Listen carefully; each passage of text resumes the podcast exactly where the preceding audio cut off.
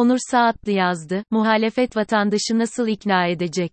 Yurttaşların mevcut gidişatın sorumlusu olan iktidarın yanlışlarından ziyade yeni iktidarın neler yapacağını daha radikal çözüm önerilerini duymaya ihtiyaç duyduğu bir döneme giriyoruz. Türkiye, 16 Nisan 2017 referandumu ile kabul edilen ve 9 Temmuz 2018 tarihinden itibaren uygulanmaya başlanılan, adına Cumhurbaşkanlığı hükümet sistemi dedikleri, özünde kuvvetler ayrılığını fiiliyatta kaldırıp herhangi bir kontrol mekanizması olmaksızın ve ayrıca mevcut denetim fonksiyonlarını da devre dışı bırakarak, devlet otoritesinin ve sistemin tek adamın kontrolünde olduğu bir ucube sistemi yaşıyor. Oluşturulan sistemde verilen yetkiler öylesine ucu açık ve kontrol edilmez ki, en aklı başında demokrat, çoğulculuğa ve adalete inanan kimseye bu yetkileri verseniz kişiyi raydan çıkaracak derecede ben merkezci bir otokrat yapı inşa edilmiş durumda. Ülke ekonomisinde yaşanan çöküşün, ekonomik verilerdeki bozulmanın en şiddetli ve ağır sonuçlar doğurduğu dönem bu tek adam rejimine dayanıyor. Bu sistem, tek bir kişinin her şeyi bildiği, her şeye muktedir olduğu, Merkez Bankası başkanlarını, bakanları en ufak bir itirazi kayıt beyan ettiklerinde görevden aldığı bir rejimi yarattı. 20 yıllık iktidarının sonunda genel geçer ekonomi teorilerinin aksine yeni bir ekonomi kuramı bildiğini iddia ederek yeni bir ekonomi modelini dünya ekonomi çevrelerine ilan etmekten çekinmeyecek önlenemez bir özgüveni de yarattı ya da bu ruh hali kendi sistemini yaratmakta. Ekonominin, piyasaların, yabancı yatırımcının en çok önemsediği ve ihtiyaç duyduğu olgular güven, istikrar, hukuk ve şeffaflık iken tüm bu olguların yerle yeksan edildiği bir aile devleti düzenine gidiş yaşatılıyor ülkeye maalesef. İşte tam da bu noktada Cumhuriyet Halk Partisi Genel Başkanı Sayın Kemal Kılıçdaroğlu'nun üzerine basa basa söylediği, güçlendirilmiş parlamenter sistem, önerisi oldukça önem kazanıyor.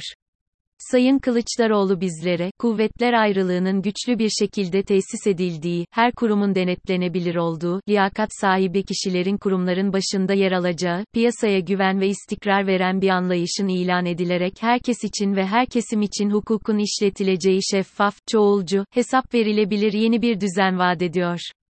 Katıldığı miting ve gezilerde oldukça iddialı bir şekilde yeni iktidarın en geç 6 ay içerisinde ekonominin çarklarını tekrar çevireceğini, huzur ve bereketin tekrar bu topraklara getirileceğini ifade ediyor. İktidarın yıllardır uygulamakta olduğu üretime, yatırıma, istihdama dayanmayan, ithalata dayalı, zenginin her geçen gün daha zengin fakirin daha fakir olduğu tüketim ekonomisinin bedeli, yine gariban halk tarafından ödeniyor, ödenecektir. Özellikle son bir aydır ekonomide ve piyasalarda yaşanan dalgalanmalar ile döviz kurlarındaki, girdi maliyetlerindeki aşırı yükselişin ve bu minvalde temel tüketim ve gıda maddelerinde, enerjide akaryakıtta yaşanan fiyat artışları ekonomik darboğazda olan halkın belini iyice büktü. Bütün bu gerçeklerden dolayı, muhalefet partilerinin ve özellikle ana muhalefet partisinin özellikle dar gelirlilere yönelik iktidara geldiklerinde uygulayacakları politikaları sokaktaki vatandaşın anlayacağı dilde sade cümlelerle anlatmaya devam etmesi gerekiyor. Bu yük ve sorumluluk artık Kılıçdaroğlu'nun omuzlarındadır. Garip gurebanın, fakir fukaranın yeniden umudu olmak, tünelin ucundaki ışık olmak zorundadır.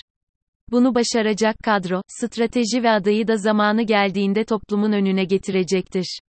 İlerleyen süreçte, toplumun en alt gelir grubuna, ezilen, sömürülen, yılmış, tükenmiş insanlara çare olan ve onların insanca yaşam taleplerini, ümitlerini yeşerten politikaları oluşturarak yeni bir Türkiye perspektifini daha güçlü bir şekilde anlatmalıdır.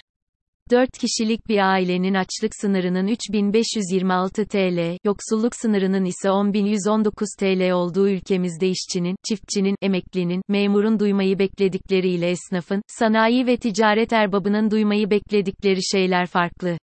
Ancak bu kesimlerin temelde, kendilerine umut olabilecek daha müreffeh bir geleceği vadeden, sağlam temellere dayalı bir ekonomik manifestoyu görmeye, duymaya ihtiyaçları var. Metropol Araştırma Şirketi'nin 11 ila 15 Aralık arasında yaptığı kamuoyu araştırmasına göre, bu pazar bir milletvekili seçimi olsa hangi siyasi partiye oy verirsiniz, sorusuna yanıt verenlerin %26'sının kararsız, cevap yok, protesto oy üçlüsünden oluştuğu görülmekte. Mevcut iktidar yurttaşları ekonomik açıdan bu kadar çıkmaza, dar boğaza sokmasına, fakirleştirmesine karşın muhalefetin ekonomi önermelerinin seçmeni ikna etmek konusunda daha güçlü politikalar oluşturulmasına gerek olduğu şeklinde yorumlayabiliriz.